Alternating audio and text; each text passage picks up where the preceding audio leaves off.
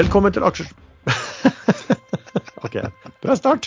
Ja, Da sprakk stemmen òg, gitt. Ja, gjorde det. Stemmeskifte. Velkommen til podkasten Aksjesladder. Mitt navn er Lars Branningen, i denne sammenheng kalt Reideren. Og med meg har jeg som vanlig Treideren Sven Egil Larsen. Og eks-jallakongen Erlend Henriksen. Ja, vi er jo litt, eh, litt ute av det. for at uh, Siste episode hadde vi på en mandag. I dag har vi den på en torsdag, så det skal bli godt etter hvert. Vi skal komme oss tilbake igjen der vi som vanlig har innspillingen innspillinger på fredag. Eh, for Vi har fått en del meldinger når vi, når vi, har, eh, når vi avviker, og da er det folk som eh, bruker å planlegge ting på lørdagen hvor de skal ha med seg aksjesladder på, på øret. Så det er vel, fredag er vel, skal vel være vår dag videre, eller hva gutter? Jo, men det passer syk. du passer syk hvis du sitter på julaften og hører på aksjesladder. Da er du ja, ut, for, ut forbi normen, vil jeg tro. Så dette er for å, å please de at de kan få høre på lille julaften kvelden før kvelden, liksom. Det må jo være mye bedre. Det burde være det. Eh, Erlend, kan du disclaimeren vår? Ja, eh, ikke gjør som dere tror vi mener at dere burde gjøre, for vi er totalt uansvarlige. Vi gir ingen råd. Dersom du hører på hva vi sier her om markedet, aksjer, enkeltaksjer og livet for øvrig, er ansvaret helt og holdent ditt eget. Det kan forekomme feil i det vi sier i programmet, og panel og panelets gjester kan være langt, kort, direkte eller indirekte eksponert til aksjer, selskaper og produkter som omtales i programmet, og vi gir ingen anbefalinger. OK, skal vi starte med det vi bruker å starte med, da, Sven. Hva har du gjort øh, den øh, siste egentlig halvannen uken av handler? Nei, jeg har gjort så mye at jeg selvfølgelig har glemt ut nesten alt. Eh, Men jeg har gjort grævla altså veldig mye til å være meg. Så jeg må jukse litt og gå inn på Pareto og kikke. Og der finner jeg ut at jeg har kjøpt aksjer i noe som heter VSS ABB, som er en supply-aksje notert i Sverige. Som dere liker å kalle for rørlegg rørleggeren av eh, rare grunner. Jeg har kjøpt aksjer i null, uh, solgt aksjer i null og kjøpt aksjer i null. Og da har- gikk du i null. Nei, jeg jeg tjente faktisk litt penger. Uh, for jeg fikk de på rundt 9 blank, og så vippa det ut på 9,45, og så har jeg kjøpt de tilbake igjen nå på 9,15. Så ja, det, sånn, sånn går dagene. Jeg har kjøpt aksjer i Cyvis, og så har jeg eh, solgt en del aksjer inn i Norse Atlantic når den bare spratt opp i 2,25. Tok tap fra emisjonen der. eh, og så eh, har jeg kjøpt tilbake litt Norse på rundt 2,05. Det går an å mute seg, altså, eh, når andre Ja, det var bare en liten uh... En liten inku inkurie. Ja, eh, jeg klarte ikke å holde meg eh, på privaten i eh, Bien Sparebank. eh, Bie Sparebank. Eh, så jeg solgte de jeg hadde på privaten, og beholder de jeg har i eh, aksjeselskapet. Jeg har treida i Eifi Hva faen er det for noe? Eifi. Eh, Som bitte lite, lite sånn IT-selskap. Konsulent, Ja. litt konsulent, ja. Litt. Og så har jeg kjøpt litt aksjer igjen i eh, og håper ikke at de kommer over 90% da, for da stikker de jo av med hele selskapet. Så det, da ryker jo den planen. Og så har jeg uh, trada en del i Nordic Unmanned. Og så har jeg solgt de der høy LMG-preferanseaksjene mine med litt over to dollar i gevinst. Så den ble egentlig veldig bra. Jeg orker ikke å sitte med den når den blir unotert. Og så har jeg kjøpt bonds i Convene, som da er gamle Melin Group. Eh, Det er så litt sånn sært selskap, så den kommer jeg ikke til å snakke noe mer om. Det var jo litt. Eh, Erlend, hva har du holdt på med? Ja, det går veldig mye fortere. Jeg har solgt eh, en search og kjøpt en del mer i amerikanske Calera. Det vil si de er norske, da. Norske Calera notert i USA. That's it. Ok.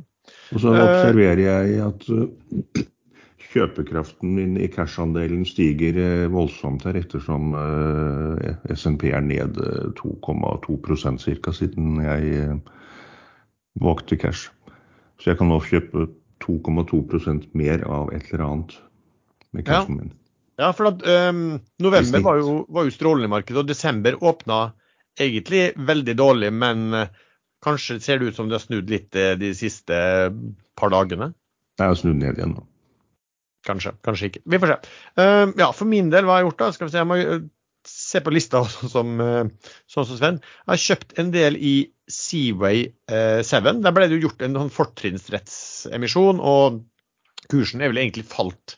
Hvis du tenker matematisk hva man kunne tegne seg i den kontra hva kursen var før, så har den falt en 25 Og den er vel nede nå rundt den, det emisjonsnivået, og da ja, prises den til en prisbok ca. 0,5. Eh, det syns jeg begynte, begynte den, den, er, den, er, tung. Jeg kalte den bare for sjøveien 7. Uh, jeg òg prøvde å trade den, 490, eh, men den ligger stuck. Ja, det er, ja, det er nok en del som kanskje skal rydde i den porteføljen før, uh, før nyttår. Jeg, jeg, tror nok det er sånn du må bare anta at hvis du kjøper en, så kjøper du den på prisbok og tror at vil, altså de vil klare å få bra Um, bra rate på disse fartøyene sine i, i, om noen år. Si. Så, så, så, det er jo ikke akkurat noen tradingaksje, tror jeg. Det kan jo være fint. Nei, det, jeg, jeg, er enig. Det var ikke det. det gikk dårlig. Gitt. Ja. Inn, inn, på 490 og ut på 490, liksom? Ja. Det eneste som tjente penger, var Pareto. Ja. Så ser jeg jeg har trada litt i europris. Eh, jeg har kjøpt i eh, Africa Energy. Den falt jo fra den falt fra 240, 50, 60 når de, når de meldte resultatet av den, den brønnen. Eh, letebrønnen som, som, ble tørr, og så har den falt helt ned. og Den falt da altså ned på under 1,30-tallet. Så jeg plukka vel opp da på 1,30 32 i snitt, ser jeg. Men den er vel nå på ja, kommet seg litt opp eh, eh, fra det nå.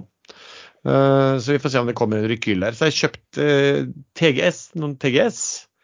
Um, og så har jeg kjøpt og jeg kjøpt og solgt faktisk Høg Autoliners. Og så har jeg begynt å kjøpe litt Cool Company også i dag. Noe småtteri til, men noe som er, som er verdt å nevne nå, i hvert fall. Ok, Sven. Eh, ja, det foregår jo en del på emisjonssiden nå, eh, med litt skrekkelige rabatter. Skal vi eh, høre hva, hva Hvem har vært ute og hentet penger i det siste? Nei, Det er jo litt morsomt da at Finanstilsynet sendte et sint brev til meglerhusene og ba de roe ned disse her retta emisjonene. og så spoler vi tilbake til i går, så var det jo ny rekord i retta emisjoner på én dag. Uh, jo, um, jeg var med i en av de i går, og det var denne her uh, Avilco Drilling. Drillingselskapet uten rigger, som kun har uh, krav mot uh, Keppel-verftet i det er vel Singapore. Merkelig sak. de gjorde nettopp en revers, altså en spleis av aksjen 1 til 100. Eller var det 1 til 1000? Uh, mulig det var 1 til 100. Ja, 1 til 100 var det. Så uh, Før kosta den litt over en krone, så da kosta den plutselig litt over 100 kroner. Og så tar de også henter penger på 20 kroner. Så 83 rabatt der. Eh, jeg var med, tegna for en mail og fikk for 100 000. Og lurer på hvordan jeg skal få ut de, fordi den aksjen der er illikvid som F. I hvert fall etter de har spleisene. Eh, og så var det Havila Kystruten. De, der har jo ting gått på skinner siden de ble, kom på børs. Så de måtte hente penger på 12 kroner, og aksjekursen ligger under 12 kroner. Og aksjene er ikke levert. Der var jeg ikke med, for der ble det altfor god tildeling. Altså dårlig tildeling, eh, som jeg kaller det. Vet, vet, vet, du, vet, du, hvor god tildeling det ble for de som Ja, ca. 50% Altså tegner du for en mil, så fikk du halvparten. Ja. Jeg vet ikke, de store de fikk vel eh, kanskje mer. Nei, jeg tror, ja, Eller fikk mindre.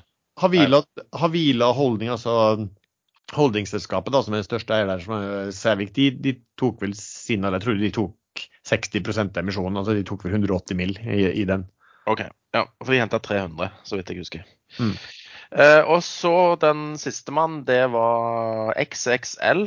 Eh, Eh, industri- eller butikkeventyr av de sjeldne. Eh, de sliter tydeligvis med marginer, eh, og meldte om en dårlig EBITDA-margin for 2022. Eller for fjerde kvartal. Og skal legge ned i Østerrike. De henta 500 millioner på kurs 370, og der er ikke aksjen levert ennå, så kursen der er vel et stykke over. Det er ikke en aksje jeg følger noe særlig med på. Hvor ligger XXL eh, nå? 397 akkurat nå.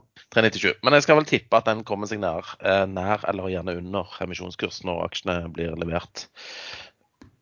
Så ja. Det var de jeg husker fra i går, og så har det vært noen flere òg. Men kanskje du har skrevet de ned? Eh, nei. Nei, faen. Det åh, ja, jeg var med på noen andre òg, sa du, som ikke var så bra. Um, hvem, hva for noen var det? Ikke godt å si. Nei, det var den Norse. Den gikk jo til helvete. Uh, men det visste vi jo. Og så var det Erlend.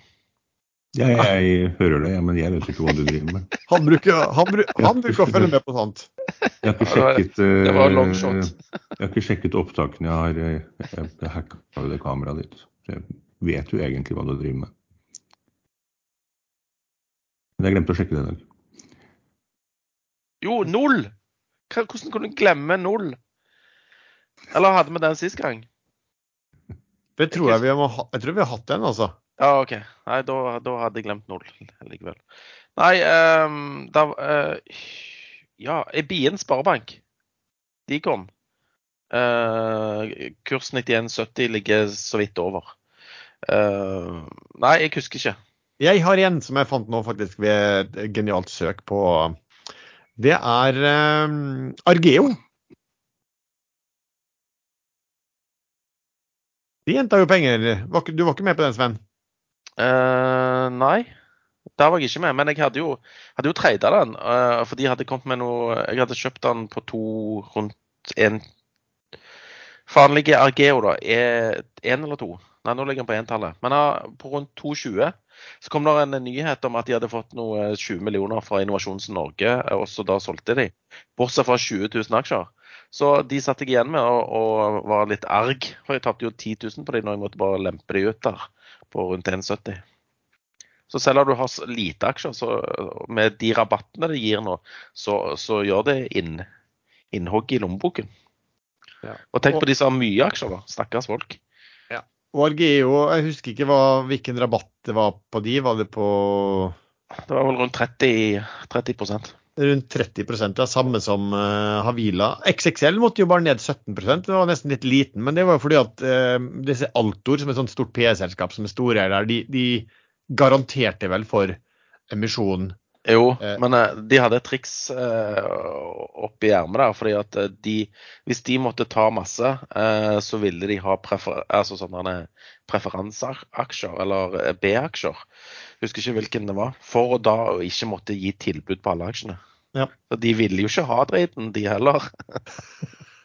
Nei, det var vel en ren sånn en ren, re, ren nød. Da. Men, de, satt, men de, de fikk jo satt den emisjonen ganske synes egentlig var ganske høyt ut ifra at altså, Når du ser hva andre må ned med, og når du ser at de samtidig leverte skrekktall, må man vel si, guida skrekktall på hva de, hva, for resultatene som de vil ha i Q3 også. Nei, Q4, mener jeg. Så, så det får vi jo se på. Altså, Ha- Havila har jo Nei, Argeo den, det har jo vært gang på gang en eh, stadig nye emisjoner. Det, det jeg så da jeg fulgte med på der, var om det sto indikert noe at ledelsen eh, hadde tenkt å bruke noe penger på det. For det gjorde de ikke sist gang. Da tror jeg den emisjonen ble satt på fem. Det tror jeg vi kommenterte her også, når ikke ledelsen ville være med på det. Og var, Ledelsen har vært kjempesmart, da, eh, siden de ikke ble med på den. For nå er jo neste på 1, ble den på 1,75. Men de er heller ikke med denne gangen. Eh, Nei, det er rart, rart selskap. Uh, de får liksom ikke i gang disse avtalene sine. Nei, men de er fantastisk flinke til å øke antall ansatte. Og antall aksjer. Og, og antall aksjer, ja. Og det kan vel være at eh, ledelsen også vil være flink og prøve å øke antall opsjoner. Vil, jeg, vil, vil ikke overraske med meg. Men det er klart, plutselig kan det snu der. Altså, de, de, de, her er jo de som leverer eh, hva, hva skulle du si, undervannsdroner, er det vi bruker betegnelsen på dem. Eh, og til, å, til inspeksjon innenfor eh, ja, fornybart og ikke minst olje og gass og den biten der. Men, eh, og de har bestilt en del og fått levert noe en del av disse dronene også til og med kjøpt seg et, et, et fartøy, men det ser ikke ut altså, De melder mye om at det er mye tenders ut og alt det, men det ser ikke ut som de får liksom, de kontraktene som skal til. Og, og, Litt det samme som vanlige droner, altså ikke vanlige droner, men sånn droner i luften. De òg sliter jo. av Nordic Unmanned der. De òg kjører jo emisjon etter emisjon. Og de får kontrakter, men eh, det, det renner jo ikke akkurat inn med penger. Nei, det gjør jo ikke det. Um, så, så vi får se på den. Men Avilko Drilling, der er det jo Folk tror kanskje at det er drilling, at det er et riggselskap, men det er jo et riggselskap som har solgt alle sine rigger, og som sitter igjen med to tvister med et verft hvor de skulle um, der, de egentlig skulle bygge disse riggene. Uh, og så ble det en tvist der, og de riggene blir ikke bygget. Og så er det vel sånn at Avilco Avilko krever Keppel for 100 millioner dollar, og Keppel krever Avilko for 500 millioner dollar, er det noe sånt? Det stemmer. Eh, Jeg måtte sette meg inn i dette her eh, før jeg tegna i går. Så, eh, men eh, ja. Best case eh, 215 kroner aksjen hvis de får alt de har eh, krevd fra Keppel. Worst case null. Ja. Det er jo sånn det. Så det blir jo interessant å se hva som kommer. Og det- er vel, det har vært en sånn voldgiftbehandling, og den, der dommen skal falle i tidligst Q2, var det det? Q223. Ja, for den, for den ene og den andre er ikke, igangsatt ennå. Altså, den er vel tidligst Q4 eh, Ja. 23 nå. Men eh, altså, hvis det går bra eller dårlig på den første, det gjør det jo mest sannsynlig.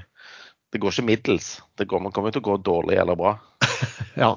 Sannsynligheten tilsier at altså, sånn som den prises og, og, og, og hvordan de eierne selv opptrer, så er det vel at det er kanskje et, et longshot er jo det, det er jo prisa til i markedet, så det er jo greit. Spørsmålet er bare om det er Jo, men på, på en annen side så, så støtte, altså de kunne, Hadde de ikke tro på dette her i det hele tatt, så hadde de ikke gidda å putte inn uh, 80 mill. kroner til, liksom. Uh, så det, det er vel en Nei. sannsynlighet for at de vinner fram med et eller annet, i hvert fall. Men uansett, da, hvis den første går bra, så er det vel sannsynlig at den andre òg går bra. Ja, jeg skjønner ikke helt hvor, hvorfor de har to mot to. Det må jo tyde på at avtaleverket på de Det er to to forskjellige selskap som står Altså, det er ikke samme selskap som jeg Eller skulle bygge riggene. Det var to separate. to ulike datterselskap, var det det? Ja, Ja. stemmer det. Så nå var de i hvert fall tom for penger, mer eller mindre, da, og så måtte de ha penger til å drifte selskapet videre og kjøre rettssakene, rettssakene videre. Jeg regner med at det er knalldyrt med sånne internasjonale altså, jurister på, på det nivået der. En sånn London-advokater, vet du, det er ikke billig. Jeg ser det kommenteres i chatten at min invers SNP-kule har gått bra. Din inverse kule har gått bra. Dine perverse eh, ideer. Målt ved invers SNP har gått fint. Ja. Du, Sven, eh, Sven du, mm, du nevnte jo når vi snakker om eh, emisjoner, så kan vi jo ta det kort et spørsmål da, som har litt sånn sammenheng med hva vi snakket om nå. Eh, Det er Fungerer Finanstilsynet i det hele tatt? Ref. pekefinger til meglerhus om rettede emisjoner. Hva, hva Nå har ikke jeg lest det brevet fra Finanstilsynet, jeg har bare sett det referert i, i finanspressen. Og at de har sendt et, et strengt brev, og at de må tenke seg om før de før de uh, gyver løs på uh, fortrinnsrettsemisjoner versus uh, rettede emisjoner. Eller det blir jo motsatt, da. At de kjører på med retta istedenfor fortrinnsretta. Um, men altså, de kommer jo ikke til å endre på noe som funker. Eh, så lenge det ikke er ulovlig. Så jeg vil jo fortsatt tro at retta emisjoner er veien å gå for å hente penger raskt. Og dette har vi snakka om i tidligere episoder, at eh, ja Er den mest praktiske måten å gjøre det på. Men eh, så, så lenge du da har en reparasjonsemisjon, som Erlend alltid sier blir kansellert for kursen faller alltid under, så gir du dem muligheten til å delta og, og, og opprettholde sin relative andel. Så jeg ser ikke noe stort problem med dette. Ja, men det, det hender jo at disse rep-emisjonene settes veldig lavt. At ikke de er proporsjonale med økt antall aksjer.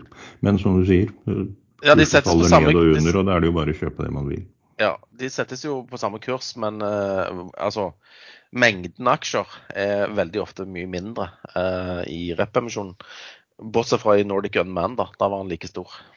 Men i 2020, da alt gikk eh, rett til himmels, da var det vel en del ganger at det ble gitt litt for gode Ja, deals til de som jeg- deltok rett Ja, jeg, jeg skjønner nå hvor de vil hen. I, I oppgangstider da er det ulovlig, i nedgangstider er det lovlig.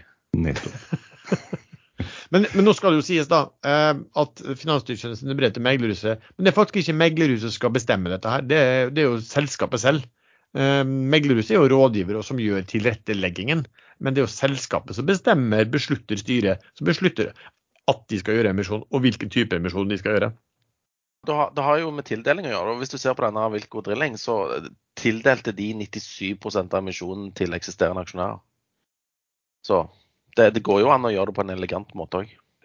Vi har jo snakket masse om eh, covid, eh, og du er jo covid-eksperten vår. Altså Kina, eh, de, hva, er de, hva, er det de gjør nå, og hvilke følger kan det få både for ja, Kina og aksjemarkedet som sådant? Det de gjør, er jo at etter at uh, Xi, Xi ble valgt til nye fem år, uh, så har de åpnet opp fullstendig.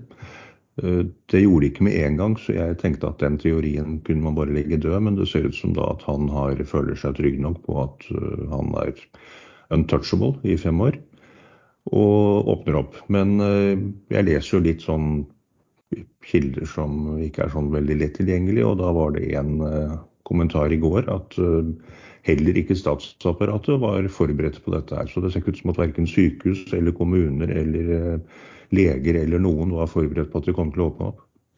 Så de mangler eh, medisiner. Eh, de mangler sengeplasser. Krematoriene er visstnok fulle i Beijing. Dette er jo sånn sosiale medier-informasjon, men det stemmer nok ganske godt i Kina.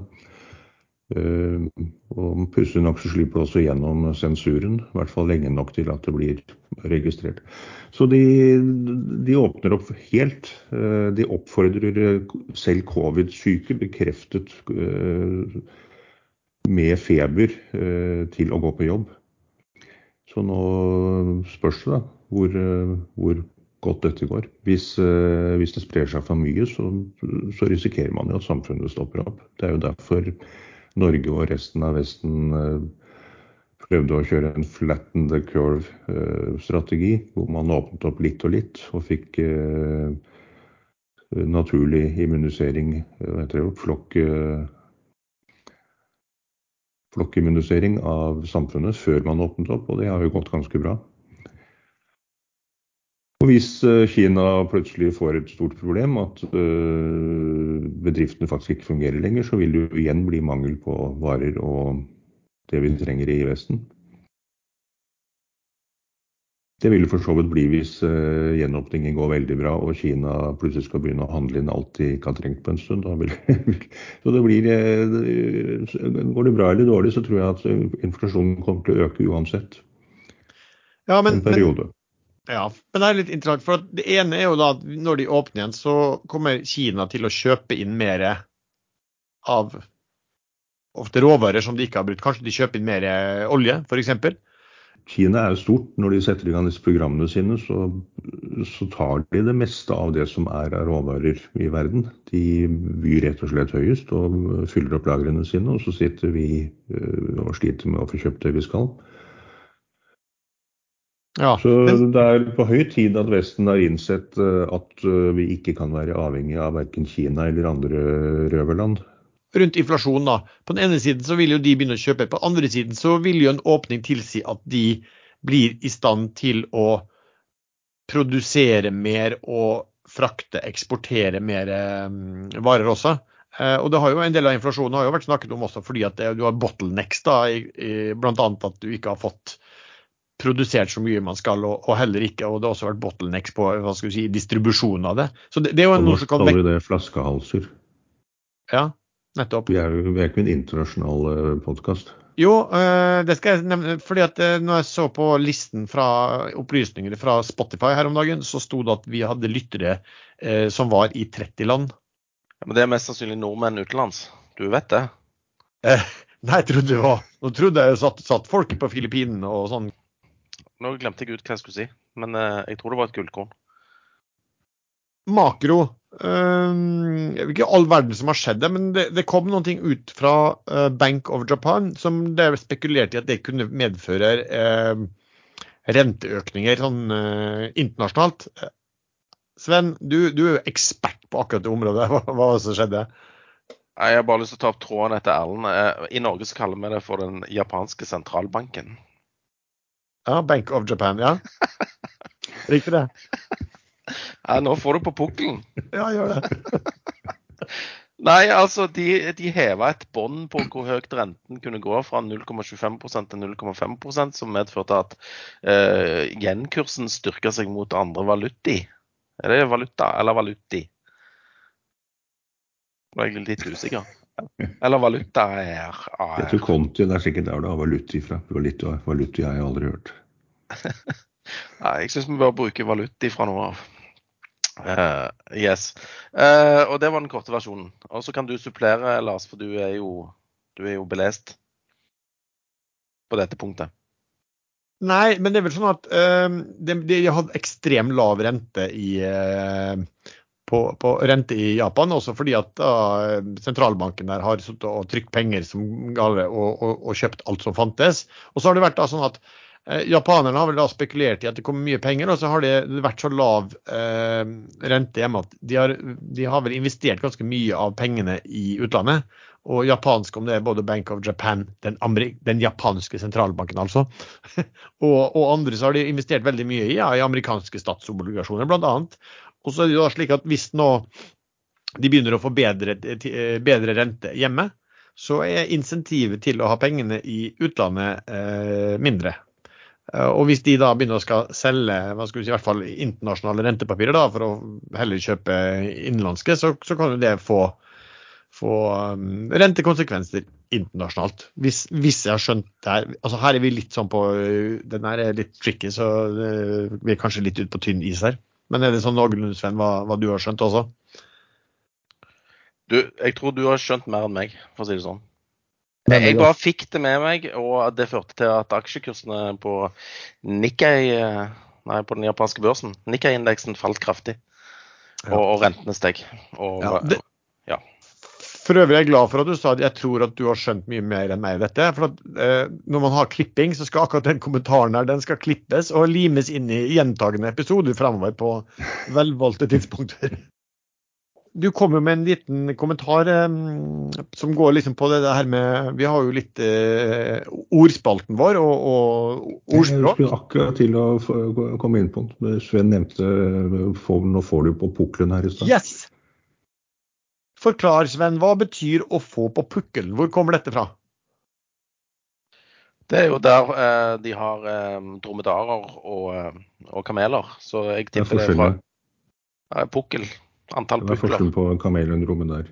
Ja, uh, kamelen har to, og uh, dromedaren har én. Og, og, derfor har røyk, altså sigarettmerket Camel bilde av en dromedar og ikke en kamel. Ikke sant. Så det er skjev logikk.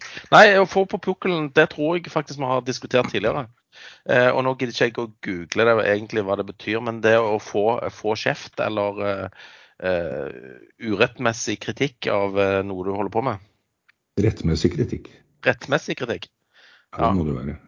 Ja, nei, jeg, vet dere? Okay, nei, hvor den, hvor den, kommer fra, liksom? Men uh, Det blir hjemmelekse. Men jeg har faktisk gjort en hjemmelekse. Vi hadde jo oppe uttrykket 'å falle i fisk' en god stund siden. Og det var jeg sikker på betød motsatt, at det, var, at det, gikk bra. Men det betyr at da går det skikkelig dårlig. Men jeg har funnet ut hvor det kommer fra. Vet dere det? Da boktrykkerkunsten kom, da hadde man settekasser. Og det hadde man jo helt opp til computerne, datamaskinene, EDB-maskinene EDB overtok. Eh, og da ble alle disse små blybokstavene lagt tilbake på sin rette plass i settekassen. Men når uh, tyske boktrykkerlærlinger uh, som fikk uh, Den gangen var det ikke så god råd, så de fikk stort sett veldig dårlig mat. Og det var, det var en type fisk som en, samme familie som ørekytten. Litt større, litt sånn sildelignende ferskvannsfisk. Som de fikk kokt opp i en svær gryte. Og det var sånne små, sorte fisk som fløt rundt. Eh, og når, når disse boktrykklærlingene slumsa litt og mistet settekassen på gulvet, så så det ut som den fisken oppi den gryta. Så derfor kalte man det å falle i fisk. Men, men tilbake til den pukkelen Altså, det, det, det, er jo et rart uttrykk, da. Det, jeg trodde kanskje at det kom et eller annet pukkelrygg, men uh, fikk på pukkelryggen din på pukkelryggen din. Men uh, kanskje ikke. Nei, det er ingen som vet det. For øvrig så uh, for Nei, jeg, jeg, jeg googla det, og det er mange andre uttrykk du kan bruke i samme, uh, samme setting. Og det er liksom få det glatte lag. Uh, få en leksjon, få sitt pass påskrevet, få så hatten passer. Uh, og få vite hvor David kjøpte ølet og sånne ting. Så det er i samme gate. My mye rart der. Nå er det jo rundt jul, da. Da har folk tid til å lese bøker. Så da, apropos pukkel, altså, en av mine store favorittbokserier er jo eh, serien som, om, om eh, sakfører Shardlake på 1600-tallet fra eh, England. Og han var da en pukkelrygget sakfører. Faktisk veldig, veldig bra eh, bøker. Så da, de som har mye tid i romjula, de kan eh, lese den. Julekulene, gutter. Skal vi gå litt på, skal vi gå litt på status der? Og så om det er noe spesielt på disse, eller julekuler og nyttårsraketter. De, de, de er vel mer sånn at vi håper at de blir nyttårsraketter, ser jeg. Sven, jeg vet at de, de du foreslo, de starta opp noe voldsomt. Men du er også Når jeg så før i dag, så var du opp Din totalt var opp 1,6% Min var akkurat i null. 0,99997. Og Erlend, du var ned 1,5% Så det skilte da Men du har ikke da korrigert for cash-andelen eh, på SPX? på da Nei, du har ikke korrigert. Du, altså, du blir korrigert til det verste for deg, for å si det sånn. da. Men om du hadde hatt, eh, om, om du hadde hatt 2% på en til, så hadde jo det slått sånn cirka. Du hadde vært litt minus. Men det, det, det, det poenget er vel bare at det er eh, veldig liten forskjell mellom oss. Og så har jeg så, så sett på de to, de to årene vi har hatt det før. I fjor så mener jeg, nei forrige fjor, eh, Sven, så tror jeg du hadde 30% i snitt på dine. I fjor så tror jeg jeg hadde 15% i snitt på mine. Og nå ligger den som er best til oss på 1,6% Altså det er veldig liten forskjell eh, mellom oss, da.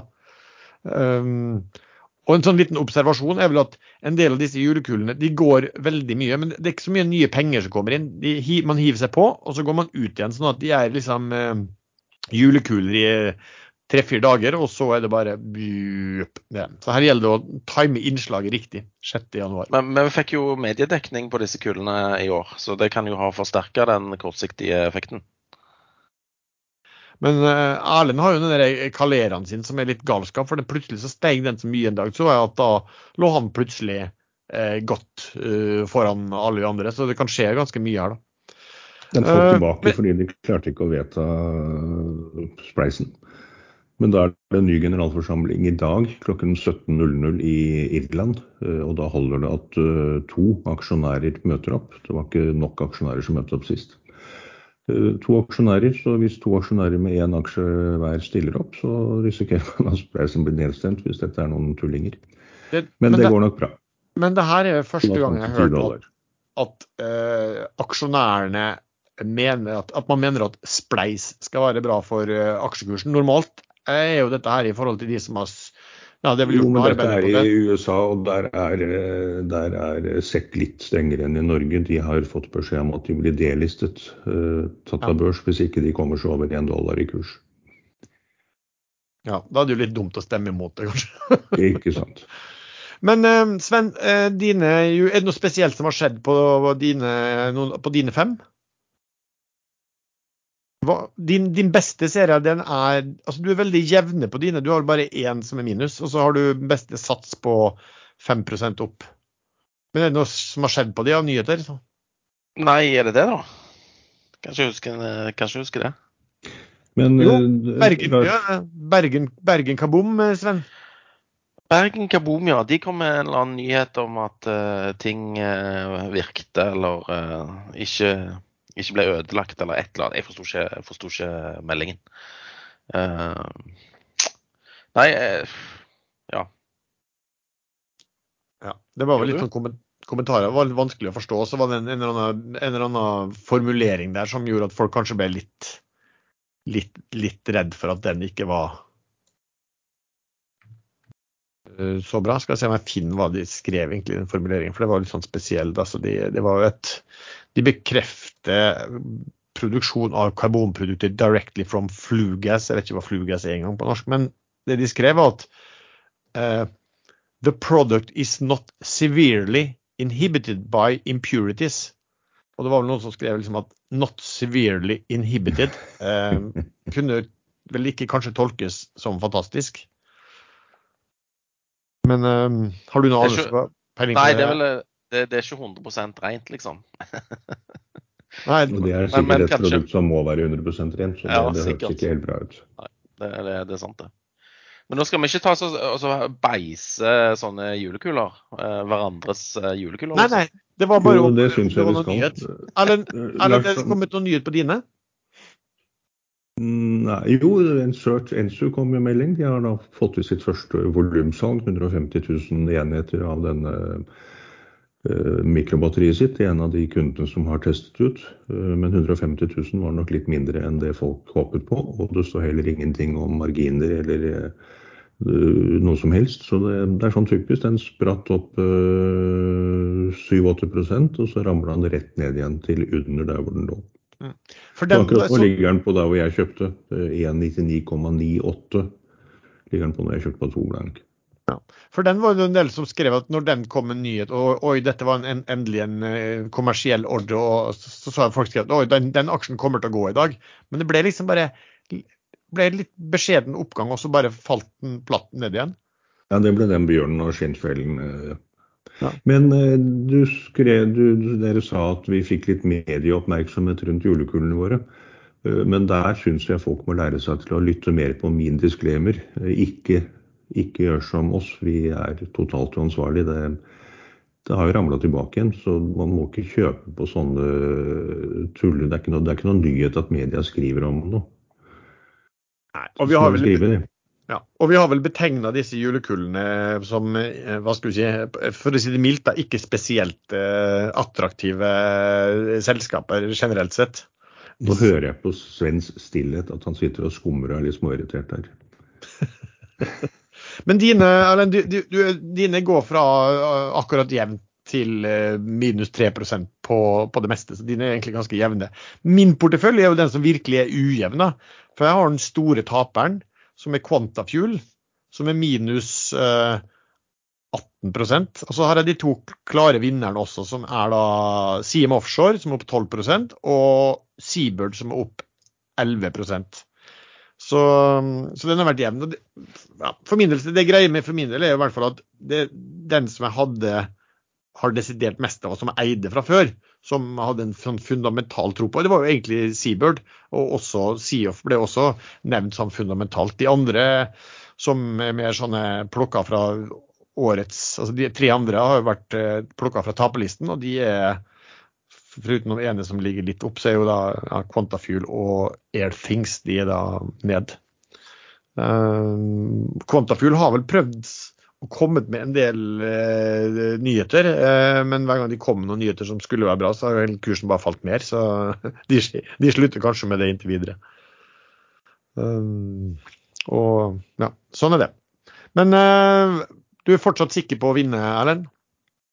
Ja, ja, selvfølgelig. Men øh, det, det er lite handikap at dere nekter å ta med økt kjøpekraft øh, på generelt inntektsfall. Ja. Ja, men det spises opp av inflasjon, så du kommer ingen vei. Det er ikke 2 inflasjon på siden 12.12. Nei, det sier er vi 6,6 er det jeg leste i media. Årsbasis, ja. Ja, det er det vi bruker. Jeg skal slå dere uansett. Eh, Er det du som leder, Lars? Er det det du prøver å si? Nei, jeg sier at jeg ligger på eh, flatt. Du, du leder, du er 1,6 opp. Og Erlend er ned 1,6% sånn cirka. Okay. Ja, det er kjedelige kuler i år. Den, den som er høyest hittil, er liksom opp eh, 12% Det er ikke noe sånn veldig svingning over det. Men, eh, men husk, hold, vi skal holde på dette her til over nyttår, da. Så plutselig er det noen av disse her som har eh, ja, folk som er ferdigsolgt og som kanskje har lempa litt ut, og så snur det på noen nyheter. Så her kan, her kan det, det aller meste skje. For en liten digresjon. SAS, uh, chapter 11-selskapet SAS kom akkurat med trafikktall, ikke trafikktall, men uh, i november I år så hadde de 2,85 milliarder kroner inntekter og tapte 504 millioner kroner. Men det kan jo være sånne ekstra ekstrautbetalinger til eh, piloter og kabinpersonal og sånne ting. Jeg har ikke satt meg ordentlig i det. Men de er fremdeles i chapter 11-prosessen, så de er ikke konk. Jeg så forresten nå at Seabird de hadde gått opp videre i dag, så den var den som har steget mest av alle disse julekullene. Og der har det vel vært eh, ja, vi har snakket om det før, at det er fortsatt visstnok ja, nytt megler som, som, ringer rundt til noen større aksjonærer og spør om å få kjøpe eh, aksjer. Så vi får se hva som det, det, er jo veldig teit da, måte å gjøre det på. Hvorfor gjør de ikke bare en sånn uh, reverse bookbuilding og sier at de har lyst på en million aksjer, eller whatever, hvor mange de har lyst på. Fordi at Når uh, noen ringer deg og, og, spør om kan jeg få kjøpe aksjene dine, så blir du jo litt sånn mistenksom. Hvorfor, hvorfor vil de det? Da har du ikke lyst til å selge. Og så forteller du videre til, til andre som sitter med aksjer. Har ikke de heller lyst til å selge, så da går jo kursen opp. Så jeg syns det er litt merkelig, merkelig praksis. Men det, det, virker som de har, de, det har jo blitt godt gikk jo en god del kryss der, da. Men det er klart at, um, at eh, når du begynner, når samme uh, aksjonærer begynner på nytt ringte opp, og denne gangen er det fra et annet meglerhus, så, ser er det som du sier, du får ikke noe, du, det trigger jo ikke akkurat uh, kjøpsknappen da. Nei, salgsknappen da. Nei, og du må jo forvente at meglerne i de forskjellige meglerhusene går ut for den samme aksjonærlisten. Aksjesladder sponses av IG.com, tradingplattformen som gir deg en raskere, tydeligere og smartere måte å handle på. Visste du at du kan handle amerikanske aksjer med utvidet åpningstid hos IG? Du kan trade på over 70 store amerikanske aksjer før og etter børsens åpningstid, inkludert aksjer som Apple, Facebook og Amazon. Oppdag unike muligheter gjennom å gå long eller short også under juleferien. Gå inn på ig.com, eller last ned IG-appen i dag for å trade for- og etterhandelen på amerikanske aksjer. Og Lenken til IG finner du i beskrivelsen til denne episoden.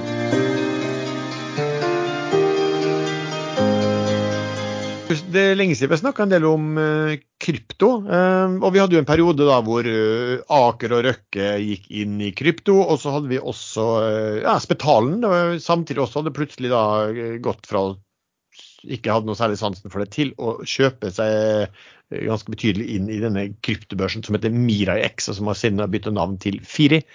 Eh, men hva er det som ut, ser ut som Spetalen gjør nå, Sven?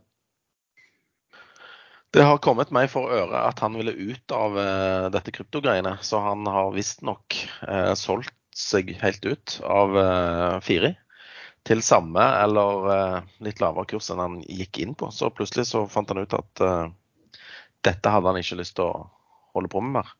Uh, jeg ble tilbudt deler av de aksjene sjøl, men det tror jeg er en, en måneds tid siden. Så, men du har oppdaga noe i Brønnøysundregistrene, forsto jeg? Ja, jeg forsto det at det er et par dager siden nå, så, eh, så står det da på Brønnøysundsregisteret eh, for Firi at eh, Øystein Spetalen, som da var styremedlem, det står det bare fratrådt. Eh, og det kan jo da tyde på, kombinert med at du vet at du har vært tilbudt aksjer, og det, det har vært også rykter om at han var på vei ut, så er det vel kanskje det et tegn på at den posten endelig er plassert på nye eiere, da. Eh, men det var jo sånn etter at han gikk inn, husker jeg, så var det jo snakk om hvilken enorm eh, kundevekst man hadde. Alle aktørene i og for seg innenfor krypto, og, og Firi også. Og hvis han nå går ut nå og selger seg på null eller med tap, så, så er det jo tegn på at alle disse aktørene har fått ja, merke merke smellen både på kryptokurser og, og, og, sikkert skepsisen når eh, man ser hva som har skjedd på disse her eh, FXT og svindel på sånne internasjonale kryptobørser. Han Bankman uh, Fraud, Fried, Fried Fraud, han er jo nå utlevert til USA. Han kommer vel aldri ut av fengselen, tenker jeg. Uh, nei, jeg så et par av de som hadde jobba sammen med han. De hadde vel hadde de tilstått allerede noe bedrageri. Um, så da tilstår de vel for lav straff og kan vitne mot ham. Men det, virker jo helt sykt. altså på, på hva, hva, hva du som skrev noe, Sven, om noe regnskapsprogram de hadde, den der kjempeaktøren der? Ja, selskapet FTX de brukte et regnskapssystem som heter QuickBooks, som er ment for enkeltmannsbedrifter og veldig små foretak. Så, og dette var et milliard, milliardselskap. Så det, det virker helt snålt, hele opplegget. Men det virker som om veldig mange er blitt lurt, da. Ja, det er jo ikke så lett å vite hva altså. men, men, det jeg så også på Det er jo en annen en sånn kjempestor aktør også, som heter eh, Binance, heter det vel dem. Eh, om en kinesers eier. Jeg så i hvert fall et intervju med han på eh, det var vel CNBC eller var det Bloomberg. Uh, for det var den store som var igjen nå når disse FXT gikk over ende. Og han ble jo spurt liksom, hvorfor Um, han, han hevde, de hevder seg å ha kundemidlene stående, og han ble spurt hvorfor kan ikke du dokumentere det, og, og, og hvorfor har du ikke revisorbekreftede regnskap fra en ordentlig god revisor, liksom. Og da var det sånn, nei, revisorene skjønte ikke denne type, denne type selskap, så det var forklaringen hans på at de ikke hadde eh, ordentlig regnskap. Så det, for å si sånn, det, mildt, det hørtes ikke trygt ut. Så, det var også en en transaksjon hvor det var vel da han Fried Frauds uh, selskap hadde kjøpt noe av Binance, og med oppgjør i, i den uh, coinen, kryptoen, som de selv laget, som nå ikke er verdt noen ting. Og to milliarder dollar eller noe sånt, så de pengene forsvant jo plutselig fra Binance uh, balanse. Ja, ja. så det blir, blir vel, det blir vel sikkert noen uh, flere skandaler relativt uh, kortsiktig, tenker jeg, i det, i det, markedet der. Innsamlingen vår uh, Vi snakka vel om at vi hadde et mål i utgangspunktet på nå 100 000. og det har vi nådd. Og da har vi da vippet det opp til å nå ha et mål om innen utløpet av julaften, som om to, litt over to dager, å nå 125 000. Vi er på 119 900 akkurat nå. 225 eh, givere. Det betyr at det er veldig mange som lytter på denne podkasten som ikke har gitt eh, sitt lille bidrag, julebidrag til en organisasjon som, som jobber med mental eh, helse hos de unge. Så gi gjerne der når du hører denne episoden, og lenken til innsamlingen den ligger i beskrivelsen til episoden. Mitt bidrag mangler ennå, for jeg skulle gi 10% av tollerne jeg skulle få i går. Men det ble ikke tolv, det ble bare Eh, ni rette, og det er 0,0. 10% av 0,0 er fremdeles 0,0. Men da må jeg nok sikkert ha hendene i egne lommer. Men det er julaften siste dag å overføre? Eh, den løper ut eh, julaften, ja. Vi er jo ja, snart runda 2022 for podkasten her også. Da tok jeg meg en liten titt på hva vi så av Soundcloud og Spotify, um, som, som, gir oss litt statistikk på dette. her. Vi så at antall lyttinger har, i 2022 har økt sånn ca.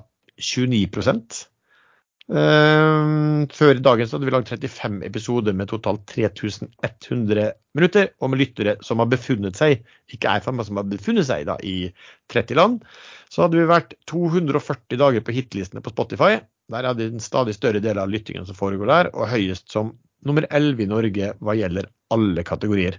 Snittkarakteren for brukere på Spotify var 4,7 av 5 mulige. og når jeg sjekka det der på, var det på uh, tirsdag, så hadde vi hatt 17 000 lyttinger den siste uken av eh, en episode. Og da er det ikke bare den siste episode, men det er ganske lang hale på disse episodene. Så det, det er vel hyggelig å høre, gutter. Ja, veldig bra. Fantastisk.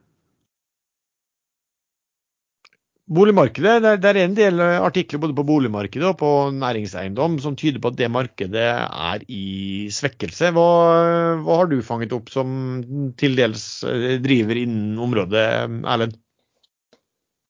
Jeg tror eh, tallene er verre enn det som offentliggjøres nå. Det er alltid etterslep på, på hva som egentlig er solgt. Eh, det er jo tall på omsetningshastigheten i markedet, men den fanger ikke opp det som er lagt ut i salg som ennå ikke er solgt. Eh, og når de etter hvert da sannsynligvis blir solgt, og sannsynligvis da lavere enn de ligger ute for salg nå, så, så vil det forsterke Det vil det reelle boligprisfallet. Men akkurat Oslo-regionen er veldig spesiell. Det er både Oslo og Bærum har innført effektiv byggestopp. så det, det var allerede for lite bygging før det kom. og Asker er vel i ferd med å gjøre det samme hvis ikke de har gjort det. Så det Det er ikke sikkert at boligprisen i det området vil falle så mye, fordi det faktisk mangler boliger allerede. Men eh, andre steder kan det jo gå ganske ille. Jeg snakket for øvrig også med en, kamerat av meg som jobber på eiendom, eiendom i Florida. Uh, det var snakk om amerikanske boligprisstatistikk. Han sa det at der, altså Florida har jo vært det området hvor det har vært best, men det var helt stille der også på transaksjonsfronten. Det er jo gjerne sånn at når det begynner å falle, så det er nesten litt sånn aksjemarked også. hvis du selger, Det er litt sånn fornektelse. Den kursen vil du ikke selge på før du til slutt må, når du begynner å se at andre kanskje selger på de, de nivåene. Så, eh, så, vi får vel se. Eh, et spørsmål her forresten fra en lytter knytta til julekulene våre, tror jeg. fordi det står er det uetisk å shorte Ørsted for å kunne vinne en konkurranse? Jeg vet ikke om det kanskje var til og med deg, du som har stilt det spørsmålet, eller fått noen til å stille det. Men tenk, hva tenker du om det, Sven? Lykke til med å prøve å påvirke kursen i Ørsted.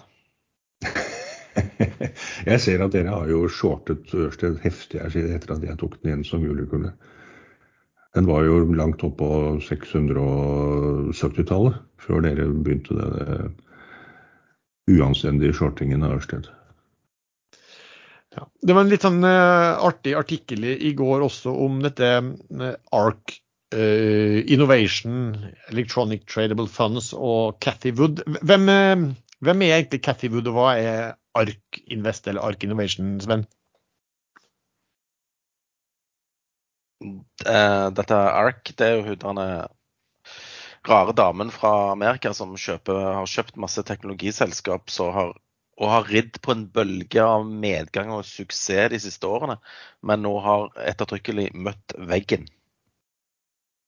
Fordi hun har jo Gud på sin side. Hun refererer jo til Gud og i årsrapportene sine. OK. Jeg har ikke lest uh, noe fra ARK-systemet, egentlig. Ja. Ikke et eneste ARK har jeg lest. Men det er jo en veldig stor aktør. altså den der, ja, ja, ja. ETF-en er kjempesvær, så de forvalter veldig veldig mye penger. Jeg så noen ting at de hadde fått masse penger i det siste også. Ja, jeg kan ingenting om det. Det virker som du kan mye mer om meg på dette punktet også. Den kan du bruke repeatedly eh, så mange ganger du bare vil. Ja, takk skal du ha. Uh, altså, den, den ETF-en den var jo Ans, Anse det som en julegave. Ja, ta, tusen takk skal du ha, Sven. Jeg setter stor pris på den. Mer, mer enn du aner. Uh, nei, altså den, den Ark Innovation uh, ETF-en den er vel da ned 65% i år. Og nå hadde jo hatt enorm oppgang, men nå ned 13% også på fem år.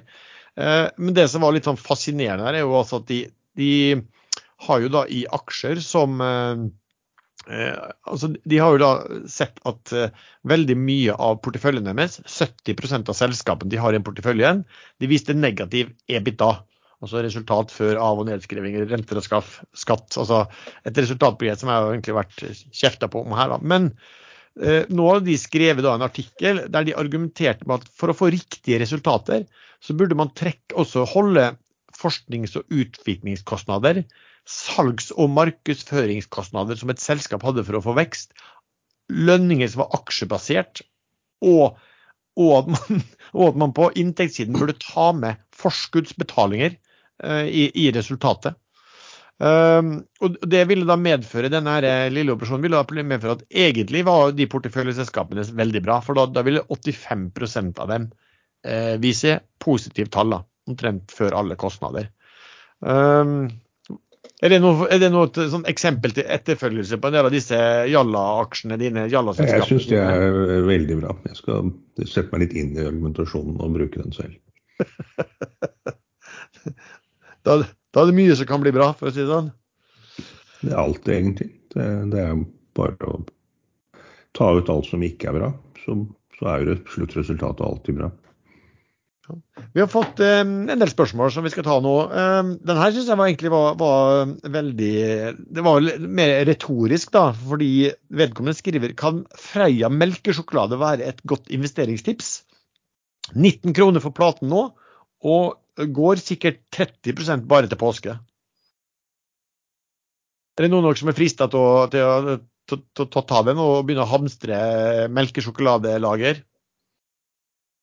Nei. du har jo sånn Dijon-sennep-lager, har du ikke det?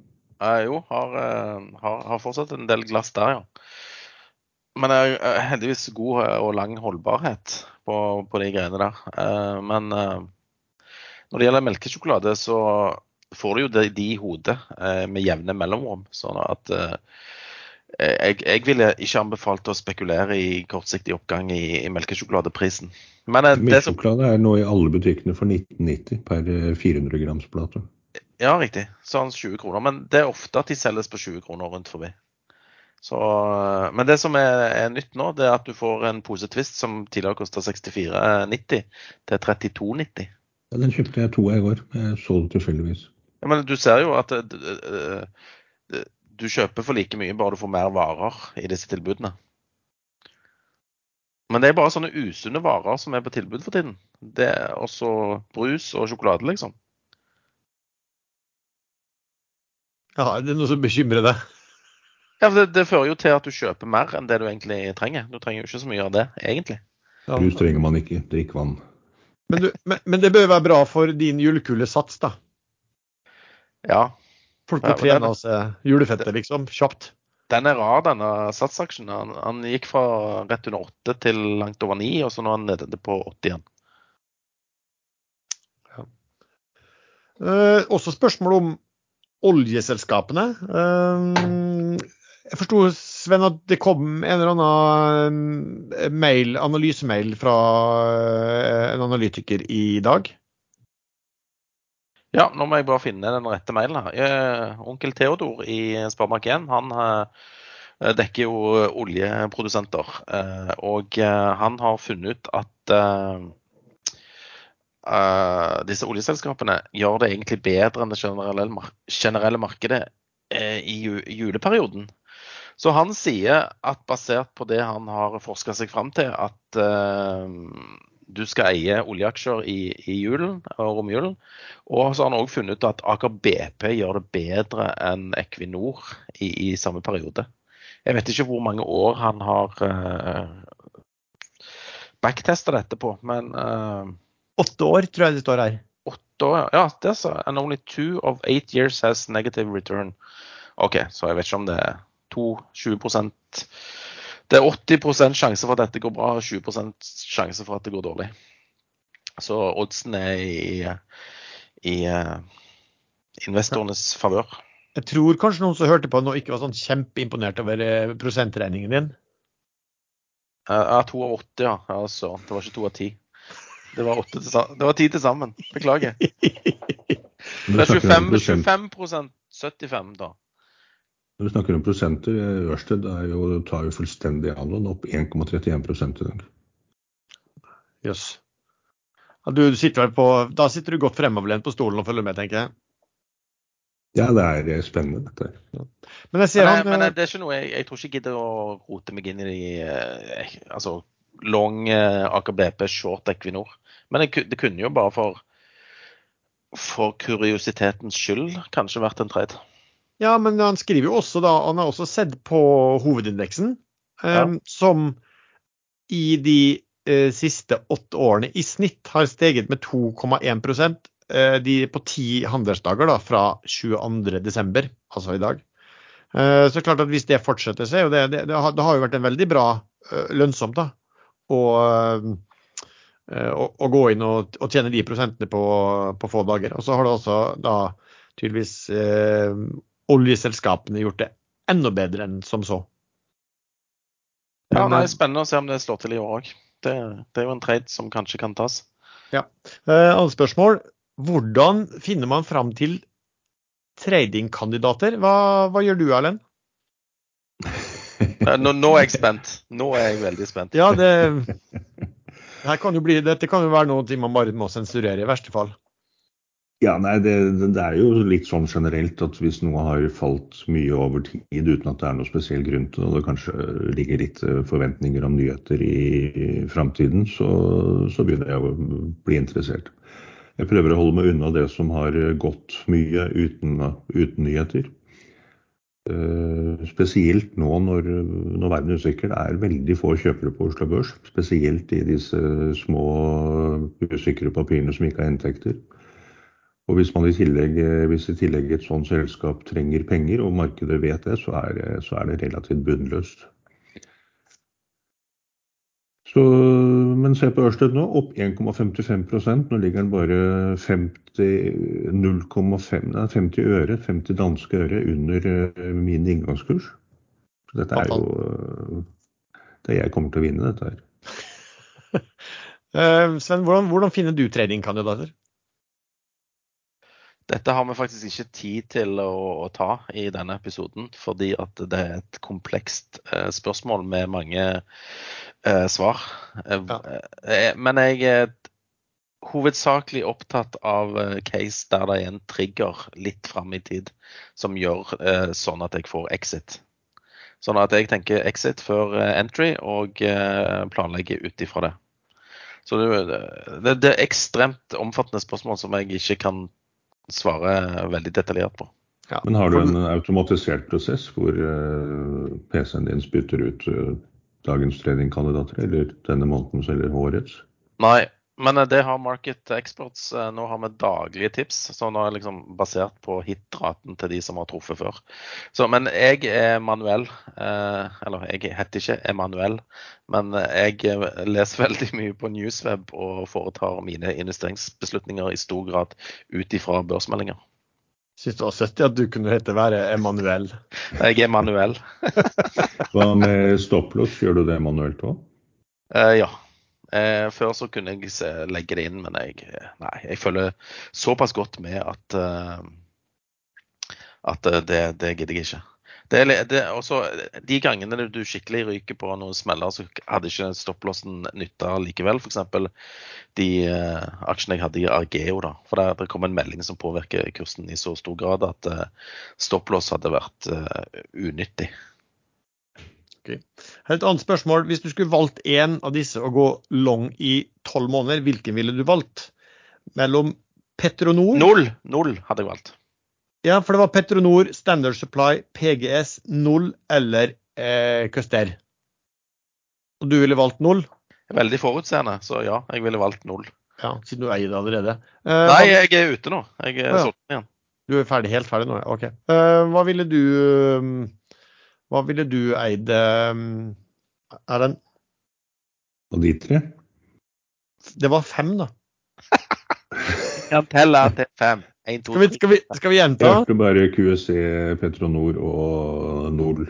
Nol kan jeg ikke noe om. Så den, P eh, PGS og Standard Supply. Ja, PGS er jo øh, generelt øh, skuffer jo alltid. Det, uansett hvor mye penger de tjener, så taper de penger, holdt jeg på å si. Det er jo det de har øh, drevet med som businesskonsept i 30 år. QEC, QSC, der kan ikke jeg skjønne hva som skal drive den eh, kursen. Eh, Europa trenger gass, og det har de masse av i Quebec, men der har de jo nettopp fått en ny regjering som sier at denne gassen ikke skal utvinnes. Så har de et LNG-anlegg på kysten som i dag eh, vel ikke er satt i gang eller ikke bygget ferdig. Og det vil heller ikke Quebec eh, gjøre noe med. Men ting kan jo endre seg. Men eh, jeg har ikke noe veldig tro på dem på kort sikt. Eh, Men det kan plutselig endre seg. Ja. Petronor, der er det åpenbart et, et usikkerhet i markedet om den korrupsjonssaken mot de to gamle store norske eierne og delvis i ledelsen eh, også rammer selskapet. Og det tror jeg nesten man skal gå ut fra at det kommer til å gjøre før eller siden, så den holder jeg meg langt unna. Ja, Det er i hvert fall rettslig risiko. Da, eh, du, du vet jo aldri hva Det er vel ikke tatt ut tiltale på noen, og man har jo sett hva skulle si, andre saker at uh, gre grensen for å få folk til å bli siktet for noen ting har vært eh, usedvanlig eh, lavt satt. Angående disse fem, så eier jeg jo både SPX og Standard eh, Supply. Så da, da blir jo naturligvis det av de som jeg ville eid hvis jeg skulle være long i tolv måneder. Et spørsmål her da, knytta litt til her også, Sven. Spørsmålet er blir PGS den store vinneren innen seismikk framover? Svaret på det er vel ganske eh, klart nei. De blir aldri en vinner i seismikkmarkedet. De pleier å gå konkurs med jevne mellomrom, og jeg forventer ingen annen utgang enn det denne gangen heller. Altså, de kommer kanskje til å klare å tjene litt penger nå i denne oppturen som kommer, men det ender, det ender dårlig.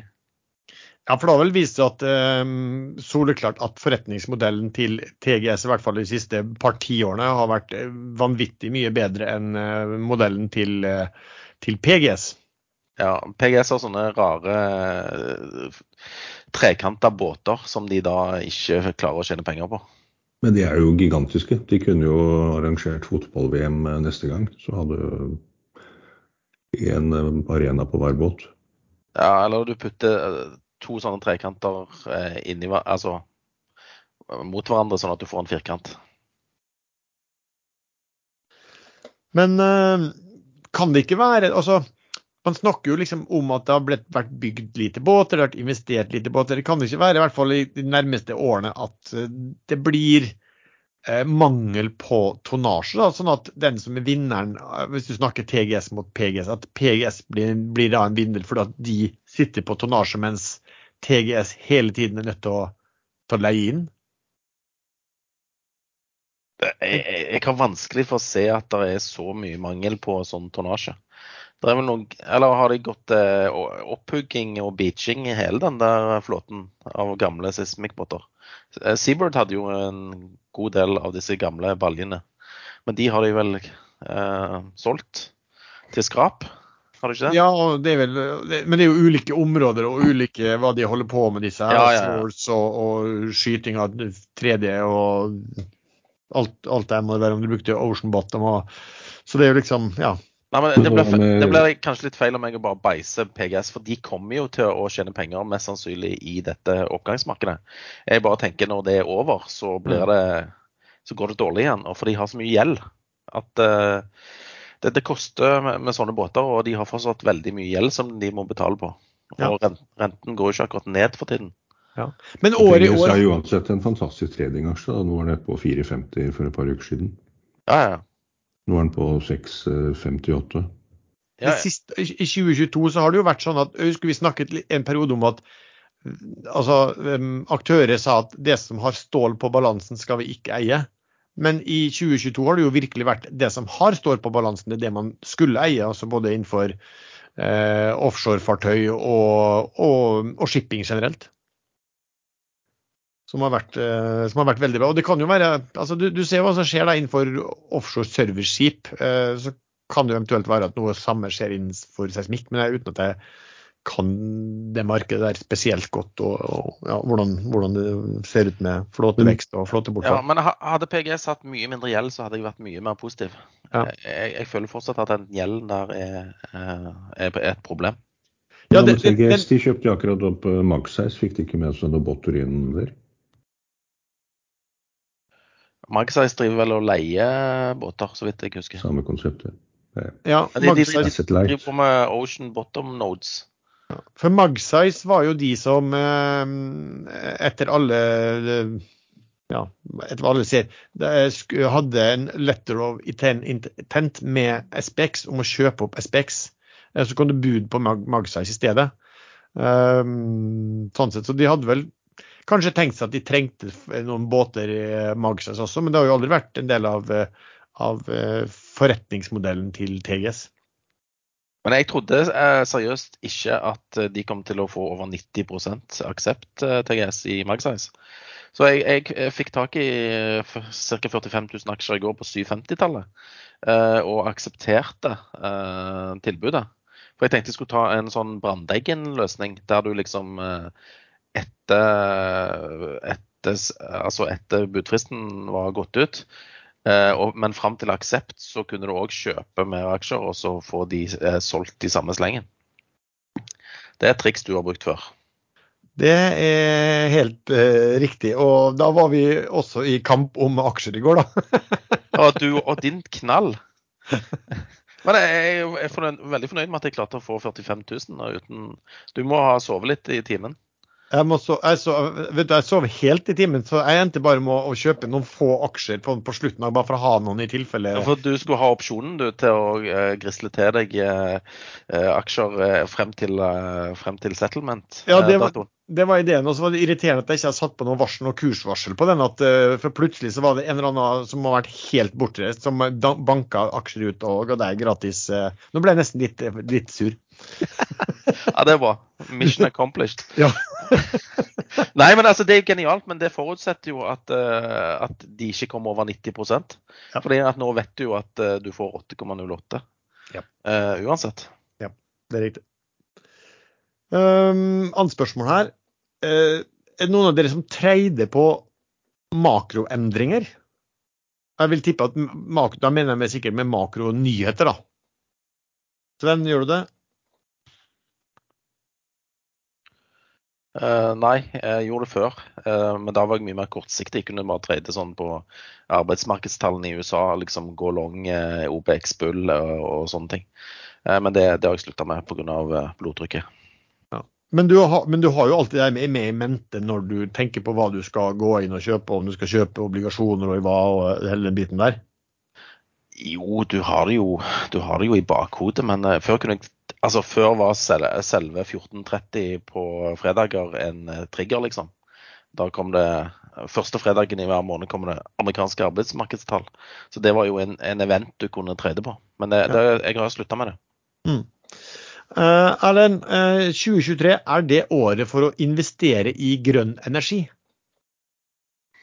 Ja, det, det tror jeg faktisk. Eh, Nå begynner jo disse pakkene, eh, både i USA og Europa, å deles ut. Så at Nell fikk en ordre på hva var det, 12 eller 15 eh, ladestasjon, fyllestasjoner for hydrogen i USA. Eh, Og det vil det komme flere av. Eh, Everfuel har vel også fått en god I hvert fall kundene til Everfuel har meldt om store tilskudd. Så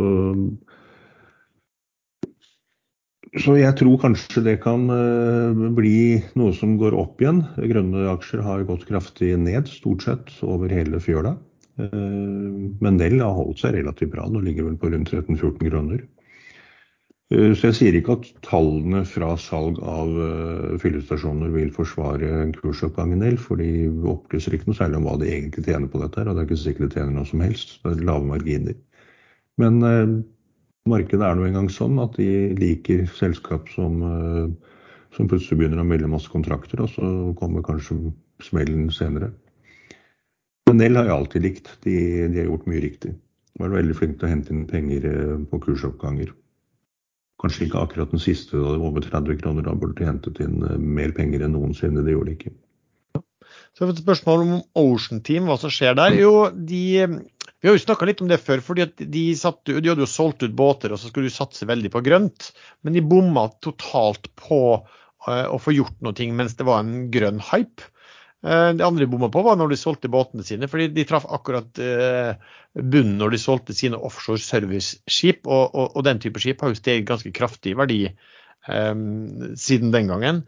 Um, så der satt de uh, og hadde en liten del som var solutions, noen sånne kabler, uh, karuseller, uh, og ikke tjente nok penger til å kunne ja, være egentlig børsnotert og ha en, en administrasjonskostnad. Sånn sett. Så den nyheten som kom nå, var at de har solgt det som heter Solutions, altså den kabelvirksomheten, som var ganske liten, og de har solgt den til klart under bokført verdier. da. Så um, Ellers var det litt sånn uklarhet av hvor mye penger egentlig selskapet vil sitte igjen med. Eh, men det er ikke mange millioner euro som vil ligge igjen der. Um, og så eh, er det vel sånn at eh, sånn som jeg forsto det, så har de solgt til aktører som om de var styreaktører i dag og, på, på, på, eiersiden. Så det er jo alltid litt sånn tvilsomhet rundt det. Og så er det spørsmålet hva, hva gjør man da med resterende? For da er det jo egentlig bare et tomt selskap med en, eh, en del penger. Hva skal det prises til, og, og hvor lett er det å få brukt, eh, brukt et sånt børsskall når det ikke finnes noen reell virksomhet i det lengre. Det er ofte lettere med børsen å, å bruke det som en reverse takeover når det faktisk foregår en virksomhet allerede, men nå virker det ikke som det skal gjøre det. I dag da, er det et spørsmål også om, om Prime. Er det noen som kjenner til Prime? Nei. Da tror ikke vi, da tror Det er visst av Saga-selskapene, ikke det? Eh, ikke lenger. Men spørsmålet var egentlig bare hvorfor er kursen der den er når det er kjøpsanbefalinger og med kursmål eh, 31. Um, og den er da i dag Den er, den er, den er close. De, var, de, de hadde nesten fasit. For det, det burde vært 32. og Det vet jo alle. Men det er ikke Prime som har egentlig ligget lavt, og så har det stadig vekk kommet eh, fra tilretteleggere og sånn noen eh, ganske elleville kursmål. Eh, og så har de steget eh, voldsomt noen dager på det, og så har de falt tilbake igjen. Jeg, tror det, jeg kan nesten se på grafen her at det er et Er det òg sånn plass til, eh, plass til eh, dieselselskap, holdt jeg på å si? Plass til petroleumsprodukt? Ja, det er vel ikke det sånn konkurrent til uh, Quantafuel. Jeg vet ikke hva som skiller de, de, de ad fra hverandre. Det var den uh, Men jeg ser her også at sånn, den gikk jo plutselig fra, uh, fra 10 til uh, over 20 kroner i løpet av året, og så fikk en sånn en, 40% i oppgang på noen få dager for ikke, ikke mange ukene siden heller. Og da er det litt sånn her, de kursmålene som kommer da fra men OK, lykke til eh, på 32. Jeg tviler vel, jeg vet ikke hvordan det er, men hvis de skal hente penger, så tror jeg de får, eh, må, de vel, ned i likhet med, eh, med alle andre også. Men her er jo spørsmålet om, om de må hente penger. Jeg kjenner ikke godt nok til det. Oppside i fiske, altså lakseoppdrett, er det spørsmål. Kan de begynne å gjeninnhente en del av fallet etter grunnrentebeslutningen. Eh, Sven, har du noe eh, eksponering innen oppdrett? Nei, jeg har faktisk ikke det. fordi jeg, jeg liker jo den der eh, Salmones Camanchaca fra Chile. Men er så ekstremt illikvid at uh, ja, jeg kunne godt tenkt meg å eie den hvis uh, de kunne fått litt mer fart i, i omsetningen på, på, børsen i den aksjen. her. Men det, det er den jeg liker best. Det er Chile. Det er ikke noe grunnrentebeskatning. Uh, så jeg liker den eksponeringen mot laks der, da. Men aksjen er helt horribel. Men var det ikke i Chile hvor de for noen år siden la masse kjepper i hjulene for lakseoppdrett? Ja, Det vet jeg ikke. Men det de har i Chile, det, de har ofte, ofte, litt sånn jordskjelv. Så det er jo en utfordring av og til. Ja, vulkanutbrudd og lava i sjøen og oppvarming. Ja, det ble kokt laks og sånn. Det er ikke så positivt. Men nei, bortsett fra det, så Men nå er det vel nå tyder vel det meste på at den uh, lakseskatten faktisk kommer uh, med 40 uh, Der er Vedum beinhard på det. Og opposisjonspartiet er jo heller ikke høyt på banen og forlanger at den skal reduseres kraftig. Så, så da blir vel det etter hvert sånn at eierne av disse lakseselskapene som har sagt at de kommer til å flagge ut fra Norge og produsere andre steder og ikke investere mer i Norge, da kommer vel de til å sakte, men sikkert krype tilbake igjen og fortsette å investere i Norge. For det er Norge som er det beste landet for lakseoppdrett i havet. Ikke det at jeg mener at den uh, skatten ble riktig innført og trengte kanskje heller ikke å være så høy, men, uh, men ser, verden går videre, liksom. Ja. Jeg ser at uh, sånn som SalMar falt jo ned fra Den var jo over i har jo vært over i 600 kroner i år, og så falt den jo ned etter dette her, den beslutningen eller det forslaget kom. Så halverte den seg jo ned til 305. Men den har jo rekulert en del og kommet opp i 380 igjen. Så den er vel opp en 25% den på, ja, innenfor, innenfor, tre måneder, og over 12% siste uken. Så jeg vet ikke om de, jeg har ikke fulgt med om de andre eh, oppdrettsselskapene har hatt uh, likeartet. Uh, Men nå ville de jo se på, nå ville de jo se på laks på land òg, altså disse her RAS-selskapene. Så de har jo stoppa tildelingen av uh, konsesjoner for laks på land. Ja, Det er vel Ja. fordi de fleste laks på land-konseptene også involverer bruk av eh, sjøvann, er det ikke det? Jo, de tar jo pumpe inn eh, vann, og noe ligger jo Ja. Enkelte anlegg ligger jo egentlig under vannflaten, da, så de låner vann, de òg, liksom. Ja. OK, er det noe annet dere har lyst til å snakke om, eller skal vi kaste oss over uh, kort ukens eh, favoritter? OK, få høre. Sven, har du noe spesielt? Eh, Det blir vel ribbe og pinnekjøtt da, som blir favoritten framover. På aksjesiden så har jeg Jeg har faktisk begynt å kjøpe denne her eh, denne VSS AB. Fordi uh, det, det, Nav sies å være 170, og han tredje på 70-tallet. Så hvis da supply kommer, og det kommer jo til neste år, det er jo opplest og vedtatt, eh, så kommer dette selskapet til å tjene masse penger. Om det er ukens favoritt, det vet jeg ikke. Men den er akk så illikvid. Så du må jo bruke en måned på å få kjøpt deg opp til det antallet du har lyst på.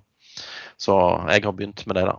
Ja, jeg kan bare nevne, for Den, den snakka jeg litt om for et par uker siden, at man kunne holde øye med den. for den, Det ble jo vedtatt at den skulle gå bort fra den vanlige listen i Sverige til en litt mindre eh, liste, med litt andre krav. og der du, du, du ikke hadde, altså det ble, det, ble, ikke så dyrt da å være notert der. og Da mistenkte jeg kanskje at en del ville selge ut.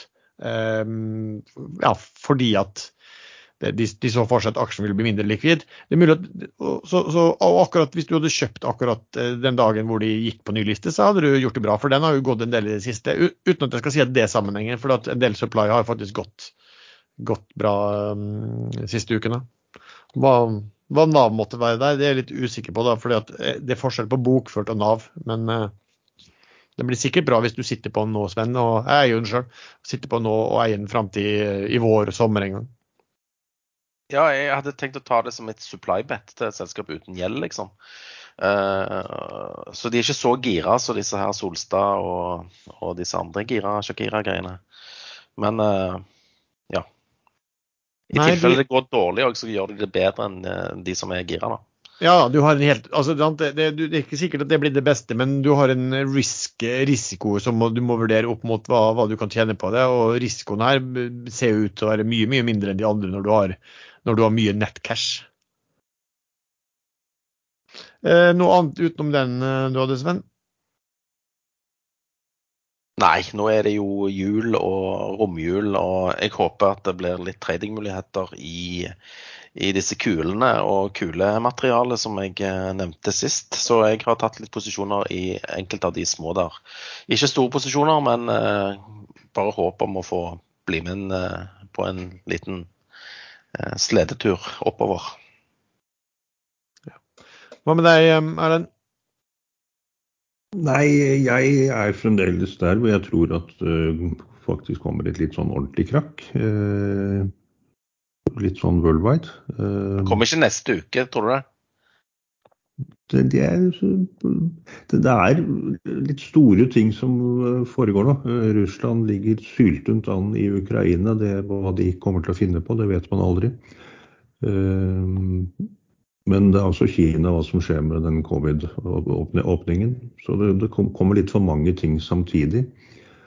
Og da kan man risikere at ikke det bare er en sånn jevn, svak nedgang som det har vært siden november i fjor, men at det plutselig buden faller ut.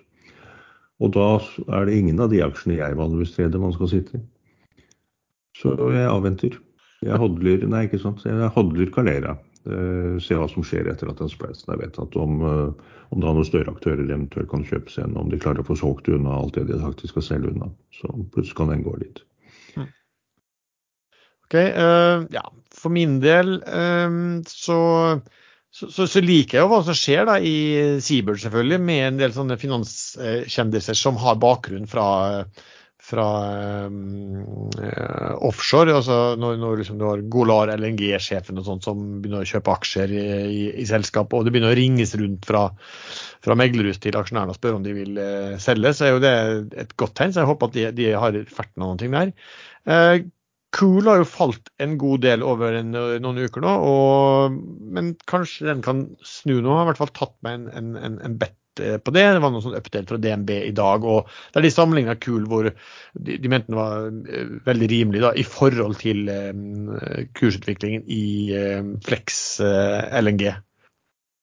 Ellers så ja, er det jo Standard Supply, da, som jeg har som, som SupplyBet sammen med CM og VSS eh, AB. Det er også en sånn aktør som har nettcash. Um, så også kan sitte godt til hvis det dukker opp uh, muligheter her. Um, og der kom det vel en, en analyse i dag fra var vel Fearnley som initierte i dag med kursmål 5,7. Eller så har uh, Valenius Wilhelmsen steget ganske mye, og, og da dratt med seg også uh, VVI Holding opp. Jeg tror jeg så på det rundt på, når Valenius Wilhelmsen var på 100 kroner, så utgjorde verdien av den aksjeposten 360 kroner per VVI-aksje. Som jo VVI-aksjen er jo på 270, så den er jo prisa med stor rabatt på alt annet. Men det er jo ikke noe nytt. Eh, sånn sett. Ellers så sitter jeg med vanlig med Valaris, som var nede på under 60-tallet, men har kommet opp igjen nå ja, rundt i underkant av 65. da. Det har vært mitt riggbett i eh, halvannet år siden. Og ellers er favoritten ribbe. Hva skal du spise? Hva spiste du, eh, Erlend? det meste, selvfølgelig. Men hva har du på julaften? Nei, Julaften er alltid ribbe og medisterkaker og sossiser og, og Hva heter den gode pølsa borte på Vestlandet? Vossavår? Nei, Vossakorv. Ja, litt sånn lett blanding av sånne ting. Det, skal, det er egentlig tilbehør til pinnekjøtt, da? Jo, jo, men det passer veldig godt sammen med så, man legger da, Når man steker ribba, så legger man eh, medisterkakene og vassakorv og julepølser eh, i ribbefettet. Og steker det siste eh, kvarter 20 minuttene der. Da blir det godt. Mm. Det hørtes godt ut. Jeg kjente jeg ble litt sulten her. Jeg satt. OK, men ja, vi må jo ønske absolutt alle lytterne våre en riktig fin juletid. Og et godt nytt år, hvis vi da ikke klarer å få gjort en episode også i romjulen. Hvem vet? Jeg sjekket akkurat Nasdaq fra toppen 19.11.2021. I hvert fall sluttdag. Da var den på 16.057. Nå er den på 10.709. Og de er, nå er den akkurat på 66,6% av toppen. Det er jo et veldig dårlig tegn. da. Her har man djevelens tall i Så dette går til helvete. Helt garantert. ja, det var, din, det var din julehilsen til lytterne. ja. Sånn er det. Ok, Da takker vi så mye til deg som har lyttet på denne episoden. Du treffer stadig oss tre chattene inne på Ekstrainvestor. Vi har også en gruppe på Facebook som heter podkasten Aksjesladder. Musikken er som vanlig laget av sjazz.com. God jul, og vi høres. Sånn. Bad news skal serveres uh, rått, ikke pakkes inn og dulles med.